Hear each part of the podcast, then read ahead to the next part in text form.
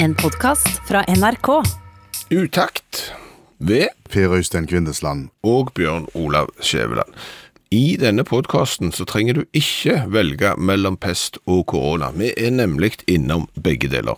Vi drøfter ellers vampyrer og sollys, Valsalvas manøver og selskapslegene som du finner på melk- og juskartongene.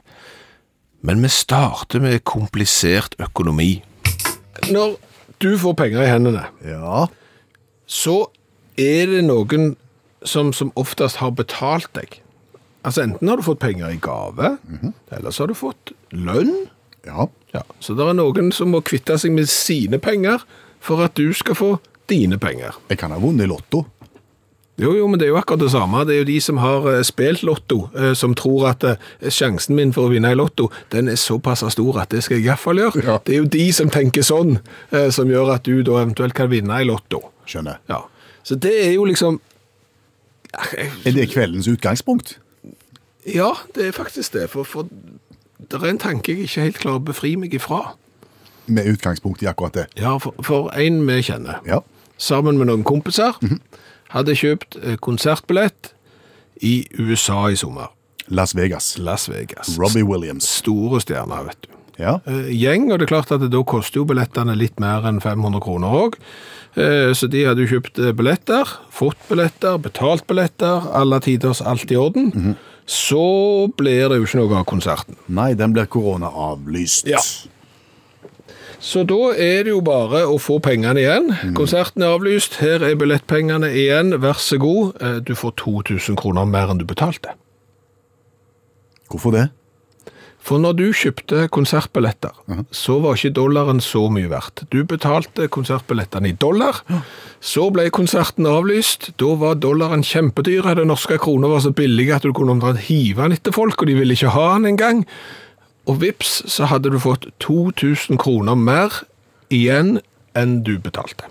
Og det du lurer på er Hvem sine penger er det? altså, hvem har tapt de pengene? Hvem? Ja, altså Jevnfør den første teorien din, Ja. så må det være noen som har tapt. Ja, du skulle jo ha, tro det, liksom. Ja. Det her er mine penger, de skal du få i lønn. Her er mine penger, de skal du få i gave. Det er liksom, det er noen penger som har skiftet hender her. Ja. Her er det noen penger som kommer ingen steds ifra. Altså, se- la oss nå si at det er Robbie Williams sjøl som fikk disse pengene. Mm. Eh, Så da fikk han da i dollar sammen eh, t- tilsvarende 6000 norske kroner. Ja. Så ble det avlyst. Så betalte han tilbake 8000. Mm. Ja. Men han betalte i dollar, så han merket ikke forskjellen. Nei. For han var det akkurat det samme. Han betalt, fikk 100 dollar, betalte 100 dollar tilbake. Det er de som be- kjøpte 100 dollar, som plutselig har fått Hæ? Det er jo helt eh, marksnodige mekanismer. Det der. Er det ingen svarte per her? Jo, nei, sikk... Nei, er det det? Det er ingen som taper på det. Det er bare rene God butikk. det er eh, God butikk for den ene parten, og for den andre er det helt greit. Merkelig. Nei, jeg skjønner ikke Altså, jeg skjønner det, men jeg skjønner det ikke. Det kan godt være vi får noen innspill via SMS. Ja, nå kommer det en eller annen blåruss med makroøkonomi og, og sånn en vaffeljakke. Det hadde vært greit hvis vi hadde fått eh, blitt gjort oppmerksom på hvordan det virker. Ja, Vi skjønner jo det at eh, den norske krona har jo da eh, svekket seg i løpet av denne perioden. Og, og kjøper du og, og selger innenfor den samme valutaen, så blir det sånn. Men det er jo litt rart at noen har tjent 2000 kroner uten at noen har tapt. Stemmer. Ja. Når du kjøper billetter, Ja! hva pleier du å kjøpe i? Inn- Det var godt du spurte, for forrige helg Ja. skulle jo jeg ha vært i London. Eh, Det ble der jo ikke noe av, som alle kan skjønne. Eh, Da hadde jo jeg eh, betalt eh, hotellrom i norske kroner på et engelsk hotell. Mhm. Fikk tilbake i norske kroner fra det britiske hotellet. Tjente Eh, du på det? Den Gikk jo selvfølgelig da i null. Ja. Jeg betalte 2640 norske kroner, fikk tilbake s- 2640 norske kroner. De som har tjent på det, det er jo det britiske hotellet. Har de tjent? Ja, for når jeg betalte de 2640 kroner, så var den norske kroner mye sterkere enn den eh, er i dag. Jeg fikk tilbake 2640 kroner. Det kosta de sikkert ikke mange pund nå. Så de var jo kjempeglade for at jeg ikke kom. Det er noe med alt. Når folk sitter hjemme nå, så er noen av de mest populære filmene å leie seg, eh, enten det er Netflix eller HBO eller hvor det er henne, det er jo filmer da som omhandler pandemier. Ja. Og, og i den anledning at det tydeligvis er et sånt behov for eh, pandemiunderholdning, eh, så har jo folk begynt å etterlyse på Facebook-gruppa til Utakt om, om ikke vi har noe sånn pestlitteratur, og spesielt pesten av Albert Camus. Camus, Camus. Du, det er du som har bodd i Frankrike. Så. Ja, men jeg tror han bodde i eh, Afrika. Men jeg er ikke sikker. Albert iallfall. Ja. Mange har etterlyst den. Og, og, og vår faste litteraturviter og forfatter Janne Stigen Drangsholt skulle vi jo gjerne hatt her i studio til svart på det spørsmålet, men pga. karantenereglene i NRK så slipper ikke Janne inn. Nei. Derfor så kaller vi opp Janne hjemme. Hei, Janne. Hei, Hei. Er det Albert Camus eller Camus eller hva? det er Camus. Det er Camus, ja. Ja. Men han bodde jo i Afrika, så ja. OK, 1-1, da. Kunne, væ- ja, det er det. Forstår du dette behovet for eh, pandemilitteratur i disse dager? Ja, både, både ja og nei. F- men Personlig så har jeg ikke noe behov for å se sånn pandemifilmer, men jeg skjønner hvorfor folk vil høre om pesten av Camus. Det gjør jeg. Har du kontroll på pesten av Camus? Ja, tilfeldigvis så har jeg det. Kunne vi gått igjennom den på vanlig måte, da? Det kan vi. OK, vær så god, Janne. Takk. Ok, Nå skal du få lære deg 'Pesten' fra 1947 av Albert Camus. Og den kan oppsummeres sånn. Pesten kommer, nesten alle dør, ganske mange er greie med hverandre. Ja. Og da har vi han på en måte. Vi har jo gått gjennom eh, et verk av Camus før. Og det husker dere sikkert, det he- heter jo 'Den fremmede'. Og Det er jo et ganske sånn deprimerende verk hvor det er en fyr som dreper en annen, og så viser han ingen anger og skjønner ikke meningen med noen ting, og alt er bare trist. Men i denne boka her så er det jo faktisk sånn at du får litt sånn du, får- du blir litt glad, faktisk. Fordi at folk er veldig sånn ordentlige med hverandre. Og selv om det ikke er noen som er helter, så ser du liksom at vanlige folk gjør det de må i en nødsituasjon. Akkurat sånn som vi gjør hjemme på berget i 2020. Akkurat sånn som vi gjør, og akkurat sånn som vi vil at det skal være i en sånn situasjon hvor vi virkelig trenger hverandre. Når oppstår denne pesten i boka? Nei, den oppstår eh, i, i en sånn en helt vanlig by, hvor folk er opptatt av andre ting. Det er en by som er litt stygg, så jeg føler at det er litt Sandnes. Og så er det eh, Folk gjør det de holder på med til vanlig, og så er det plutselig en som ser en, ei rotte som er død. Og etter det så er det i gang. Da er det buller, og det er død, og det er fordervelse, og det er bare fælt. Og til å begynne med så er det sånn, der er blant annet en sånn prest da, eh, som er veldig sånn at han er veldig sånn, ja, dette er Guds straffedom, og ja, dere burde tenkt dere om og vært snillere med hverandre. Men etter hvert så blir til og med han, til og med han blir en fin fyr som tenker at ja, men kanskje, kanskje jeg heller skal hjelpe andre og være litt mer sånn forsonlig og satse på fellesskapet enn å drive og mase om at det er straff og, og sånne ting da. Men situasjonen vi har nå, eh, kan vi lære noe av denne boka? Ja, jeg tenker at eh, en kan jo lære noe. At det, for det, jeg synes i hvert fall at jeg blir veldig sånn stressa i denne situasjonen. og Jeg blir veldig sånn redd for at eh, folk ikke gjør det de skal gjøre. og Jeg ser jo det er mange som hater på joggere og sånn, for eksempel, fordi de mener de springer for nærme og puster for mye. og sånn. Men det som en kan lære i denne, eh, av denne boka, det er jo at folk vil hverandre godt. Og vi kan faktisk stole på hverandre. Vi kan stole på at vi, at vi vil hverandre vel, og at fellesskapet faktisk fungerer i en krisesituasjon. Og at det ikke blir sånn at folk raider butikkene og setter fyr på biler og sånn. Ja, men Du sliter jo med å finne på ting å gjøre, du òg, for du har jo begynt å dele ut bilder av eh, singelsamlingen din. Sist nå Grand Prix-singler. Da, da er vi kommet langt ned i bunken av ting vi må gjøre. Eh, Tar eh, Camus opp problem, problemet med å få reise på hytta i, i pesten? Nei, faktisk, det er en av de tingene som man ikke har kommet på. E- Etter å ha vært igjennom alle disse bøkene som jeg ikke har lest, så tar jeg en sjanse her, Janne Stigen Drangsvold. Hva er det Albert Camus egentlig vil fortelle oss? For det er sikkert ikke pest, det er bare en rammefortelling eller et symbol. Ja, egentlig så handler denne boka om eh, motstandskampen under krigen. For han er jo fra 1947, så han, men han er jo litt det samme. da, Det er jo dugnad. Det er jo det det handler om. Stå opp mot en fiende, enten det er tyskerne eller et lite sånn virus. Har du et berømt sitat fra Ja, pesten? jeg har det. Det finnes mer hos menneskene å beundre enn å forakte. Den tar vi med oss. Ja, Den syns jeg er veldig fin. Det er nesten sånn jeg får litt, sånn, får litt klump i halsen, Ja. faktisk. Mm. Eh, Vil du, Skjæveland, nå oppsummere pesten av Albert Camus for oss? Jeg har ikke lyst til å ødelegge den gode stemningen vi hadde nå, den fine tonen etter det flotte sitatet, så jeg tror jeg skal la være i dag. Bør vi sette oss ned og lese pesten? i- Ja, Absolutt. Og, og det som er fint med, med alle bøkene til Camus, og ikke bare 'Pesten', det er jo at de er jammen ikke lange. Så min versjon er jo Min versjon er på 209 sider. Ja, Så innertid, at, ja. eh, det tar ikke lang tid, det, vet du. Tusen takk, Janne Stigen Drangsholt, med oss fra kjellerstua i Sandnes.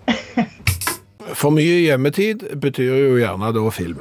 I, ja, i disse dager mye av det. Ja, og jeg har sett da Askeladden, den norske filmen som gikk på kino på, for ikke så altfor lenge siden. Ja. Eh, Kappbåt med troll, eller hva det heter, jeg husker ikke. jeg. Men men i alle fall, det, det slutter jo med troll da. Det er gøy. Det slutter med troll, eh, som blir ek- Nå kommer det gjerne en sånn eh, Nå ødelegger jeg gjerne slutten for noen hvis de ikke har fått det med seg før. Spoiler alert. Ja, eh, men sola står opp, og vips, så blir jo dette trollet til stein. Ja, for troll tåler ikke sollys. Nei, de gjør jo ikke det. Da blir de til stein. Ja, De eh, skal jo da være ute på natta. Og her er det jo en gedigen logiske brist. Altså Her må Asbjørnsen og Mo og alle de andre gå 100 ganger i seg sjøl, for dette er jo riv ruskende galt. Hva er det som er galt her? Ja, det, det, det, og for å si det sånn, det er jo ikke bare norske folkeeventyr som sliter med total eh, mangel på logikk. Det er jo òg de som har skrevet f.eks. om vampyrer. Es- Blir det jo til stein? De blir ikke til stein, de dør. Når Når, når sola, eh, da de kom, blir eksponert for sollys, så dør da vampyrene. vampyrer det er sånne som spiser, drikker blod, Ja, har litt sånne rare hoggtenner. ja sånn Dracula-greier. Men hva er likheten mellom eh, vampyrene og, og trollene, og hvor er den logiske bristen? Nei, altså Likheten er jo at begge ryker på en smell eh, når de blir eksponert for sollys. Ja. Og den store eh, logiske bristen her som jeg nå har begynt å irritere meg over jeg, Dette har jeg nettopp begynt å irritere meg over. Ja, Ja. Det er jo det at de er ute om natta. Gjerne og i fullmåne. Mhm. ja. Og det går fint. De, er jo- de er jo nattfolk, disse her. Jo, men nå begynner du også. Nå, nå, nå, er du, nå er du der. Nå er du helt der oppe med Asbjørnsen og Moa og alle de andre. Det- Dette her er jo eh, Sier du at måneskinn og solskinn er det samme? Altså, hvorfor lyser månen, eh, Per Øystein Kvinnesland?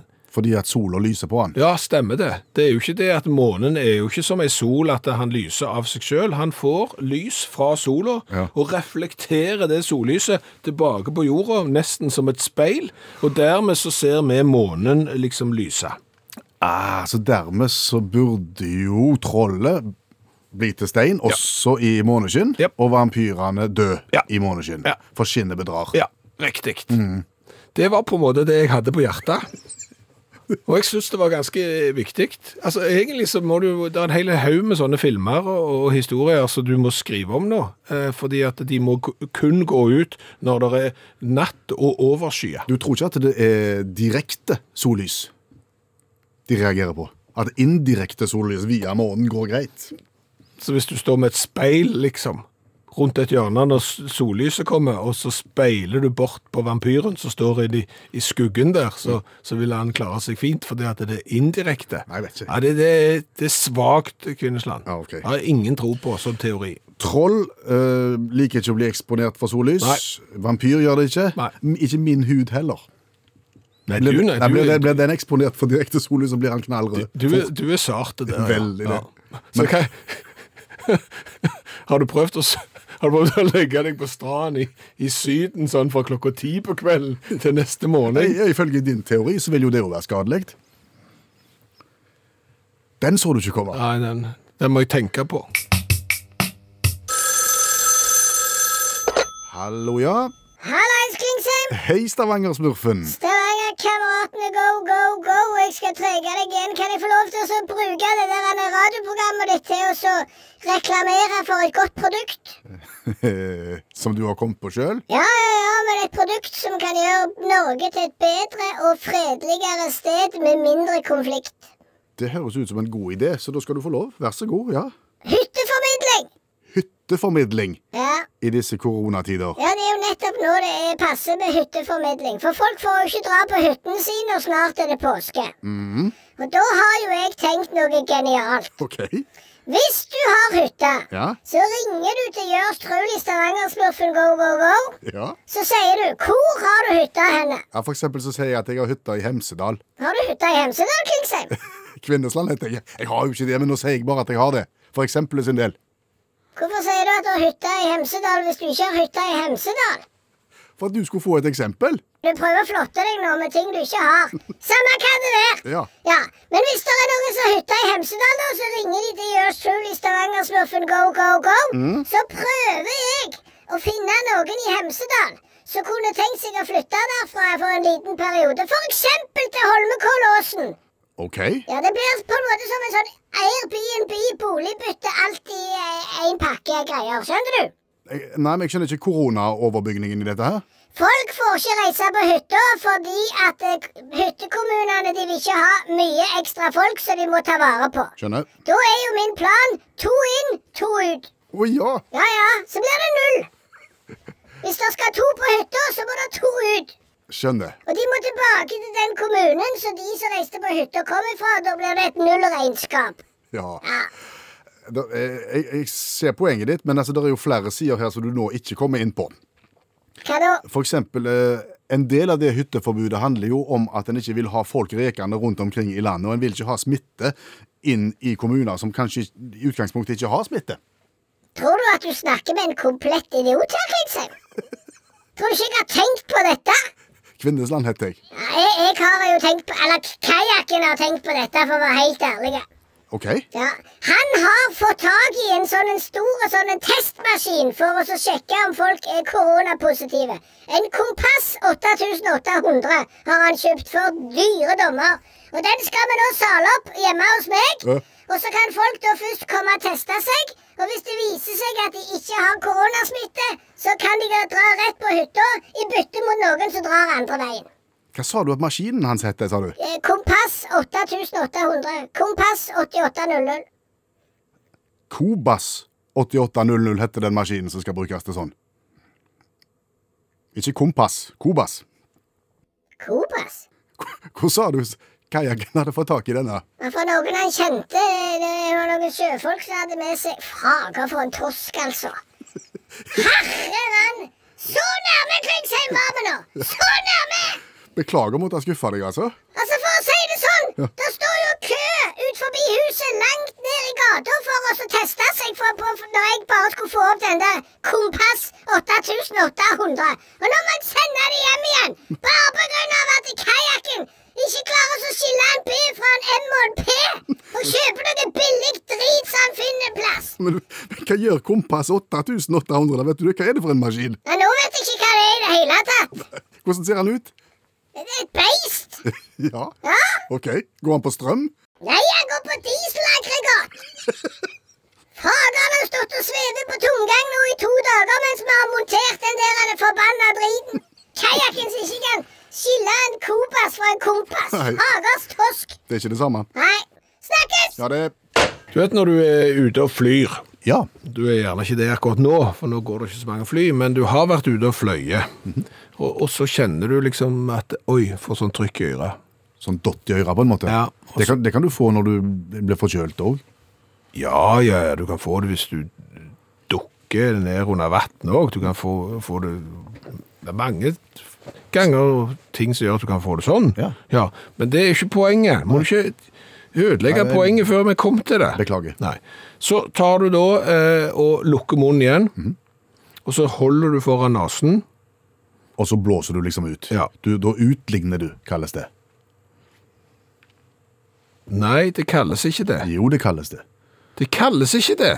Du utligner, du utligner trykket på en eller annen måte. Altså, du Spør en- utligner, tryk, du utligner trykket, men det kalles jo ikke for det. Det kalles det, men OK. Hva, Altså- kalles, hva kalles det, da? Altså, jeg måtte bli 50 år, og det er derfor jeg sitter her nå og og er litt oppgitt over at du er- skal være så påståelig at du skal sitte og si at det kalles utligning. Altså, utligning det er hvis det ene laget for eksempel leder 1-0, og så skårer det andre laget et mål de òg. Da har de utligna. Ja, OK. Ja. Hva heter det da egentlig, denne manøveren, da? Du du visste det het manøver, ja. Ja, det er jo en manøver. Ja, ja. Det kalles Valsalvas manøver. Når du holder for nesen og på en måte blåser ut sånn at du utligner. Ja. Ikke begynn nå med det der utlignende greiene. Altså, Nå driver vi på med voksenopplæring her. Jeg er sikker på at jeg er ikke den eneste eh, som ikke visste at det å holde foran nesen mens du har munnen igjen, og så blåser, at det faktisk heter noe. Nei vel, OK. Oppkalt etter Valsalvas. Ja, stemmer det. Hvem var det, da? Nei, det- Hvem var det? Han var en trave, han. Antonio Maria Jeg syns det er litt rart når noen heter Antonio eh, mannenavn, og så Maria. Men han het Antonio Maria Valsalva. Og han eh, studerte og beskrev øyrets anatomi på begynnelsen av 1700-tallet. Oi. Og det er hans liksom manøver. Eh, Altså, det er en medisinsk prosedyre for å presse luft gjennom øretrompeten og inn imellom øra. Akkurat. Hadde ingen gjort det før Valsalvas sa 'prøv den'? Altså om, om de gikk hei, altså på, om 1600-tallet for eksempel, om det var sånn helt sånn mørkt hundreår i forbindelse med hold for nasen, ha munnen igjen og blås, det, det vet ikke jeg. Nei. Men, men det jeg heller ikke visste, At, altså jeg trodde jo dette var noe vi gjorde når vi var ute og fløy, ja. for eksempel. Men det blir jo da benyttet i observasjon og diagnostisering av en lang rekke sykdommer og tilstander i kraniet og luftveien. Og, og ber doktoren pasienten om å det, Ikke si utlignende nå, for da tror jeg jeg eksploderer snart. ja, det nei. jeg orker ikke mer. Nei, Benytte seg av Altså, du- Valsalvas metode. Manøver. Manøver. altså, vi driver med voksenopplæring Ja, ja, ja. her nå. Hvis du ikke sier rett ord, så tar folk feil. Ja. Altså, dette må du vite. Hvis du kommer da for eksempel til legen Ja. med en eller annen tilstand i kraniet, for eksempel, jeg vet ikke hva det skulle være, og så sier legen, ja, men da må du prøve Valsalvas manøver. Eh, Hvorfor for- det, spørres pasienten. Ja, men sant, hva er det? Ja. Det er jo derfor vi driver på med dette her nå. Du vet jo aldri hva tid du kan få bruk for det. Nei, nei. Så kommer du inn, så holder du igjen munnen, så trykker du på nesen, og så blåser du. Og vips, så har du Eh, Så har du kanskje avslørt at du har en alvorlig tilstand i kraniet. Eventuelt så har du fått ut eh, trykkforskjellen i mellomøra. Jeg sa, jeg sier ikke utligne, jeg, eh, det var Salvas manøver. Slutt. Til venstre for meg nå Mm. skulle jo allmennlærer med to vekttall i musikk stått. Olav Hove. Ja. Men ingen slipper inn i NRK-bygget i disse karantenetider. Nei, så han sitter jo da hjemme med mobiltelefonen sin, hei Olav, Hei, hei. og, og så jobber du jo hjemmefra. Der er jeg. Og så er det jo sånn at selv om du er allmennlærer med to vekttall i musikk, så er du akkurat nå så er du lærebokredaktør. Det stemmer. Og så har du gjort deg noen erfaringer nå etter å ha hatt eh, karantene hjemmekontor i noen uker. Mhm.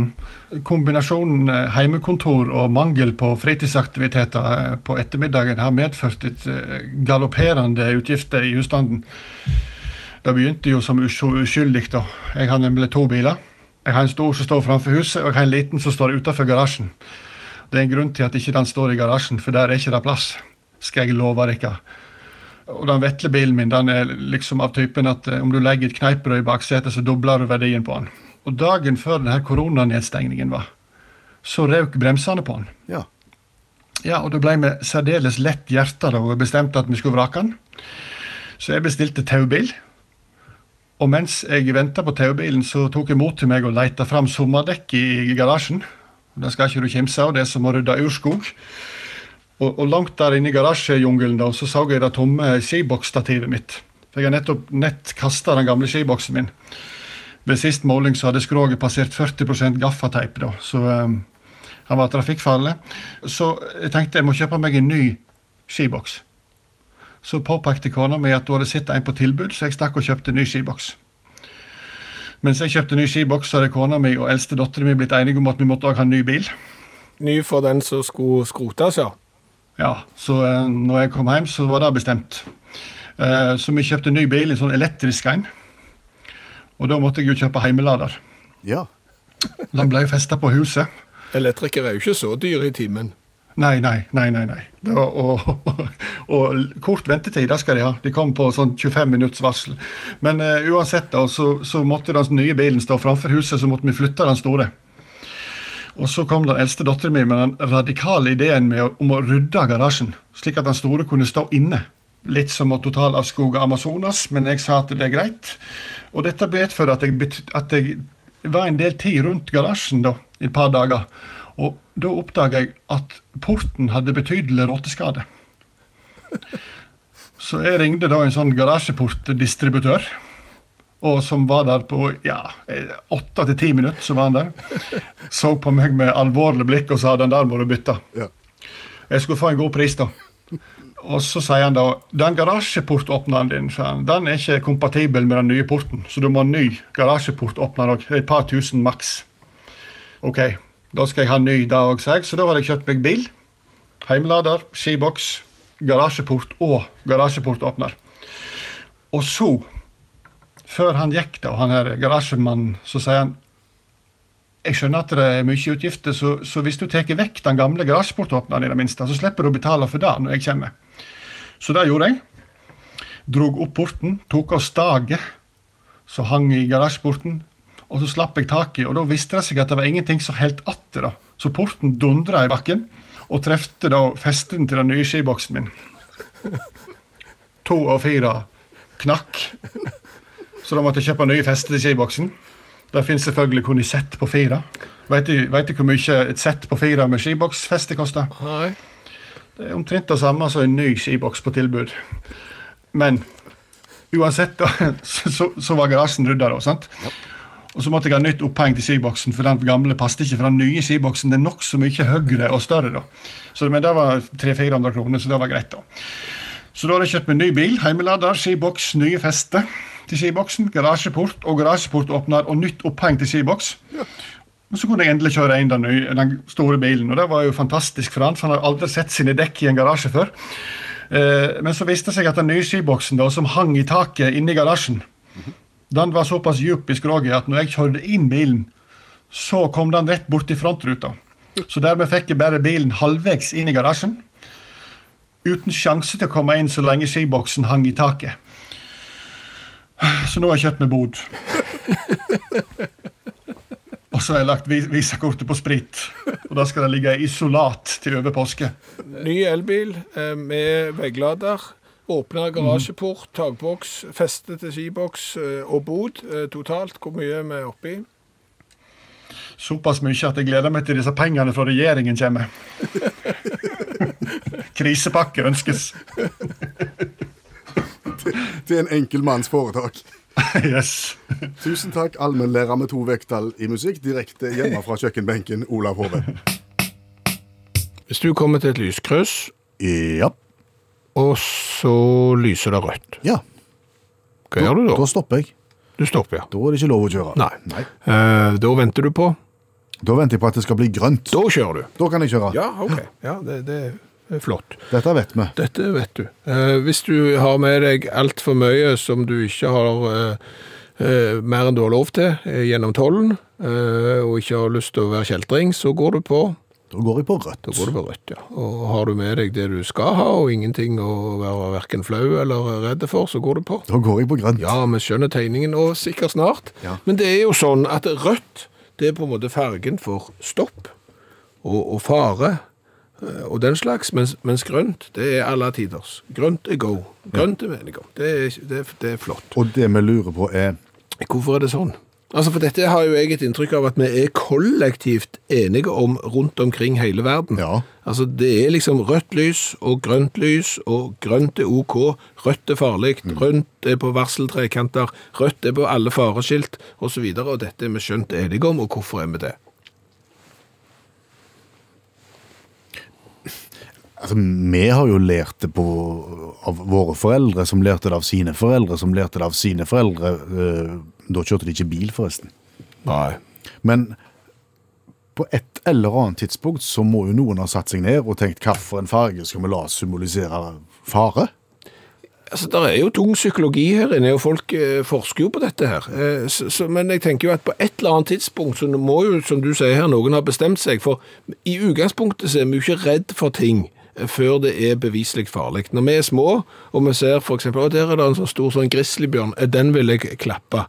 Eh, så er du ikke redd for bjørnen, eh, men foreldrene dine er jo kjemperedd for at eh, du burde vært redd for bjørnen, fordi at vi har jo da erfaring som viser at du skal ikke klappe bjørn Nei. for eksempel. Så det er jo sånn er- erfaringsoverføringer som gjør at vi blir redd for noe. Men hvem er da den hysteriske faren som på et eller annet tidspunkt har sagt «Nå holder du deg vekke, det er det rødt!» Eller har han tenkt jeg må sette opp et skilt som skal si at ikke klapp grizzlyen, og det skal være rødt? Ja, det- For da forstår de sikkert at det er alvor. Ja. For jeg først hadde jeg et skilt der det stod «Ikke klapp grizzlyen», og det var grønt, og det gikk ikke godt. Jeg vet ikke. Nei, Nei, men ja. Er det tilfeldig at det en gang begynte med Rødt var fare. Mm, Nå er det vel egentlig bare å vente på at telefonen skal ringe, og så er det en eller annen psykolog som sier at vi ved hjernen bare er skrudd sammen, sånn at vi er redd for rødt, og at vi syns at grønt er greit, og at vi ikke skal spise mat i lokaler som er blå, for det påvirker nok- visstnok matlysten. Og, Ja, men Hvis noen for lenge lenge, lenge siden hadde bare bestemt seg for at det var grønt som var farlig, ja, og rødt var greit, ja. hadde ikke det vært sånn da? da? Og at du ble sulten av å spise i blått rom, faktisk. Yes. Ja, ja, men det, det, det er noe merkelig. Ja, Det kan godt hende. Altså, det, hvem har vært premissleverandøren her? Altså, er det en eller annen sånn interiørarkitekt for, for 4000 år siden som sa Nå skal du høre på det.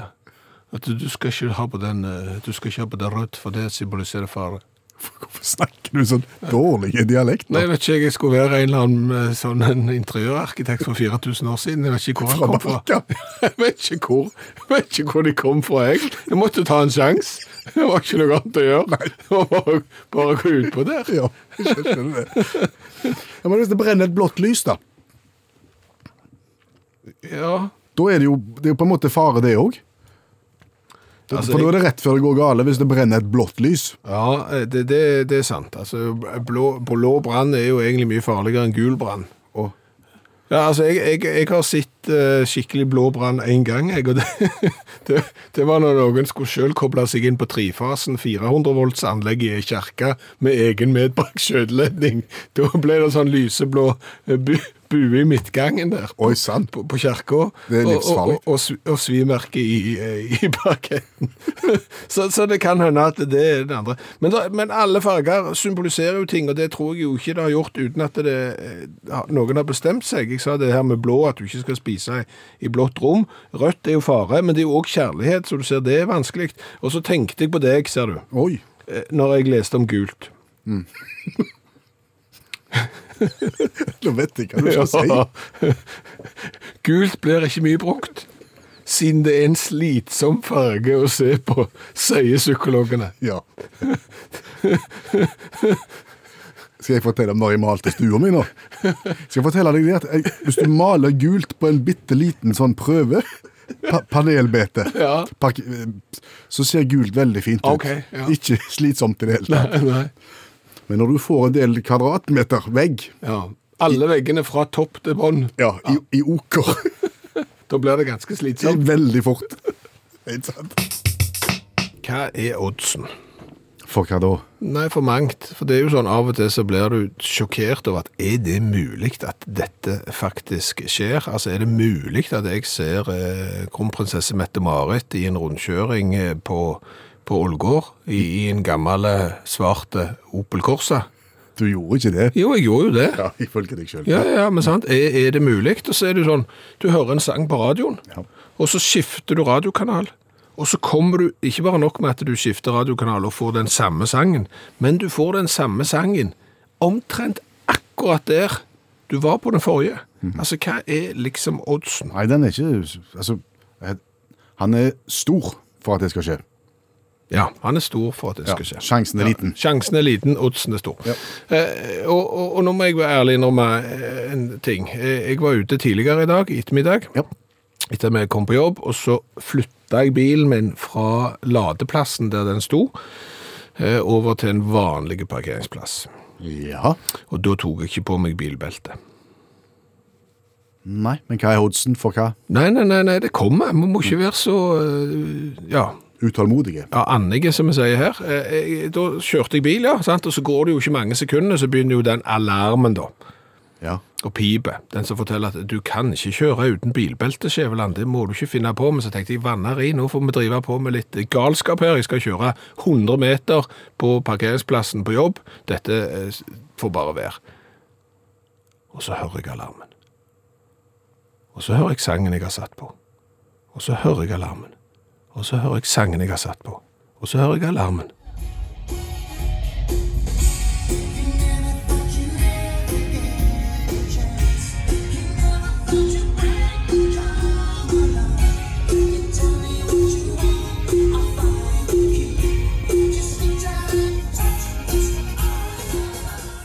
Og det fantastiske her er at De spiller i samme takt og samme toneart. varselen Altså, og Phil Collins Phil Collins spiller i samme takt og toneart som eh, da er det setebeltevarselalarmen. Mhm. og, og, og sånn, OK, du skal treffe tonen. Det er nå én ting. Ja. Men du skal jo treffe takten. Altså, Du kan spille i 80 takter i minuttet, du kan spille i 120, det er mange, og du skal liksom holde jevne gruv. Men der har de bestemt seg, de som har produsert bilen, og Phil Collins, vet du hva, vi holder samme.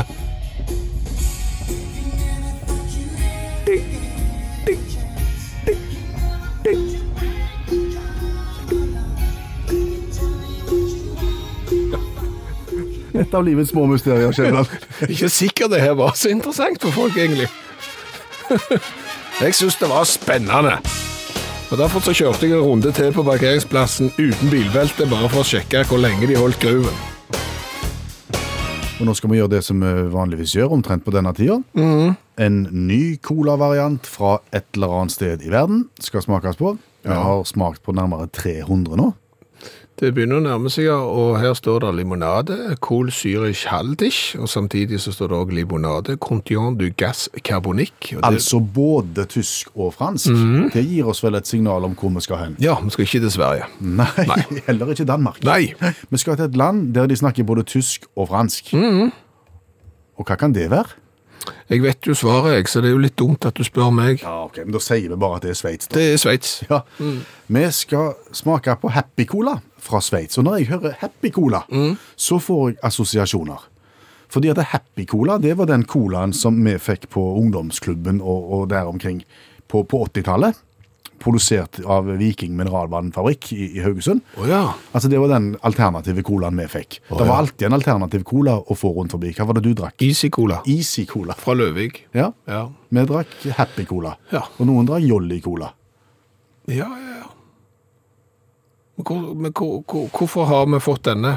Og, og hva er historien bak Happy Cola fra Sveits? Uh, Gunhild og Åge har vært i Sveits Mhm. og tok han med seg. Og jeg har søkt Det Det er lite informasjon å finne om Happy Cola i Sveits, fra Sveits. Ok, Men det er Coop-systemet som står bak. kooperativen, så da har, eh, da har sannsynligvis Gullhild og Åge da fått eh, droget kortet sitt, og så har de fått sånn Bo- medlemsbonus. medlemsbonus for å ha kjøpt Happy Cola i Sveits. Men altså, det er litt jeg har funnet på internettet om Happy Cola. Der, der står det noe sånn som at eh, Jeg vet ikke om det stemmer, ta forbehold om det, men at Coca-Cola, originalen altså, skal ha redusert sine halvliterflasker til 0,45. Altså ikke 0,5, men 0,45. Litt mindre cola til samme pris.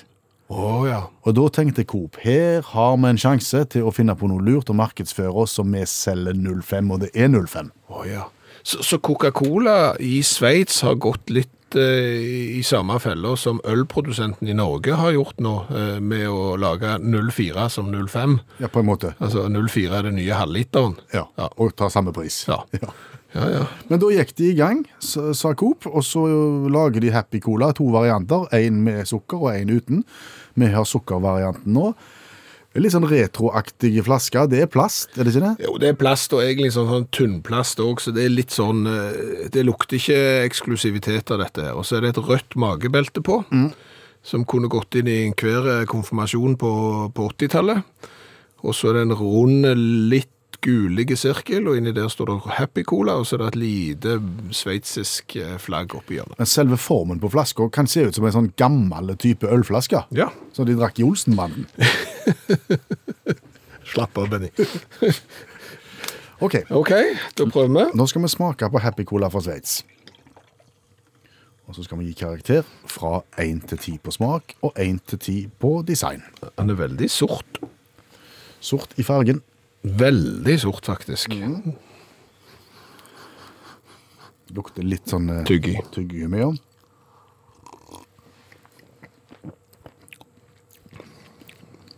Det var ikke pissdrengt, den. Nei, Du må nesten se hva du mener med akkurat det uttrykket der, for det høres litt sånn selvmotsigende Å ut. ja, sånn ja, ok. Eh, Det er jo en del, vi kan jo ta det i sånn dialektisk eh, voksenopplæring. Altså, det, det var ikke pissstrengt, det, vil si, det var ikke verst. Altså, det var, var helt greit. Helt, det var ingenting å skjemmes over, på en måte. Nei, det var, det var det jeg tenker, jeg òg. Helt på jevna. F- f- f- Fem. Det er fem. Fem i smak for Happy Cola. Og jeg syns jo at selv om du sier det er tynn plast og sånn, når jeg ser han på litt avstand, så syns jeg han ser tøff ut. Jeg. Han skal få en sekser i design av meg. Mhm. Jeg gir fire. 20. 20 blank for Happy Cola. Ja. Ikke verst. Over midten. Nei, og, og det syns jeg at det skal sveitserne ha, eller Coop i Sveits. Altså at de rett og slett står opp og sier at dere kan ikke drive på og så tulle med halvliter brus og servere 0,45. Eh, Det finner vi oss ikke i. Nei. Eh, Og Det vil jeg bare anbefale alle som egentlig produserer 0,4 og det som er enda mindre, er gå tilbake til 0,5 og hold prisen. Du vet, eh, populærkulturen, filmindustrien og den slags, de elsker jo en eh, god katastrofe. Ja. Ja.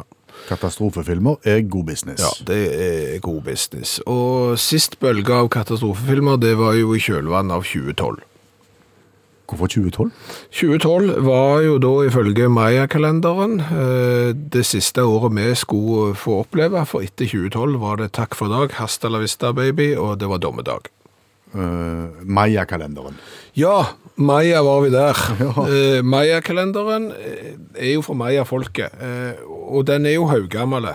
Altså, det begynte vel med å telle dager derfra i 3114 år før Kristus, og så har det på en måte vært et eller annet system der. Men det som er poenget her nå, i og med at jeg etterlyser en god katastrofe, det er jo at denne Maya-kalenderen her, som spådde at verden skulle gå unna i 2012, den Den fikk jo ikke rett. Nei, den fikk jo ikke rett. Og opplysningene fra denne Maya-kalenderen, altså de finnes jo da liksom i skrifter som er forfattet av en person som heter Shilam Balam. Shilambalam. Shilam Balam. Jeg tror ikke han var inder. Shilam Balam. No rice and curry for you. Eh, Det tror jeg ikke han var.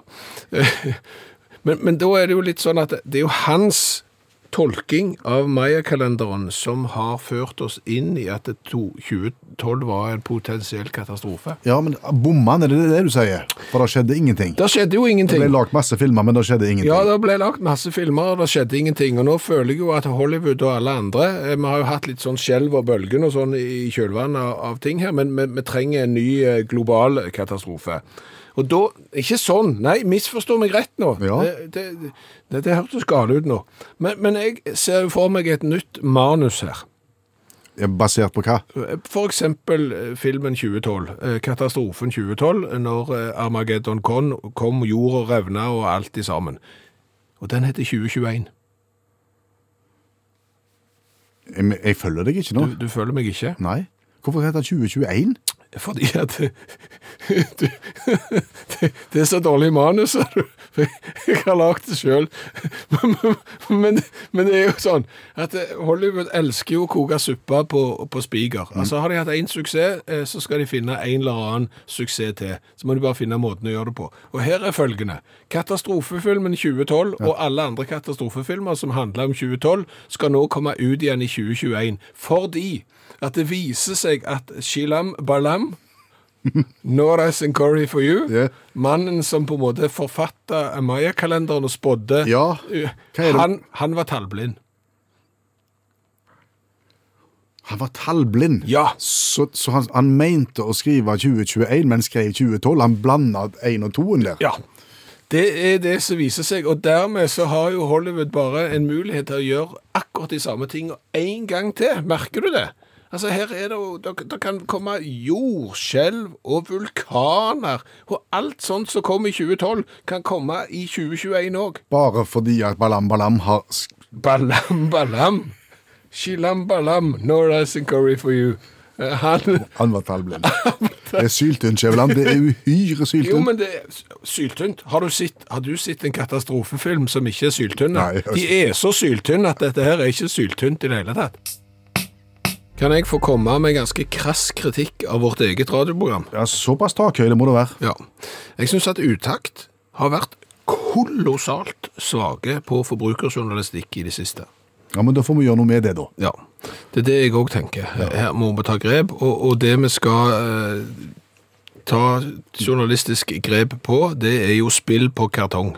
Ja, Det er jo blitt populært nå, særlig nå i forbindelse med påske. Ja. På melkekartongene, på juskartongene, så er det ulike former for selskapsleker, spill, så du kan på en måte gjøre sammen i familien. Ja, ja, og vi som har levd en stund, vi husker jo det at eh, på baksida av Smacks og på Cornflakes og forskjellige ting, så kunne det være spill, klipp ut, og så kunne du trille terninger og, og spille spill. Og vi hadde jo et inntrykk av at de alltid var kjedelige. Ja.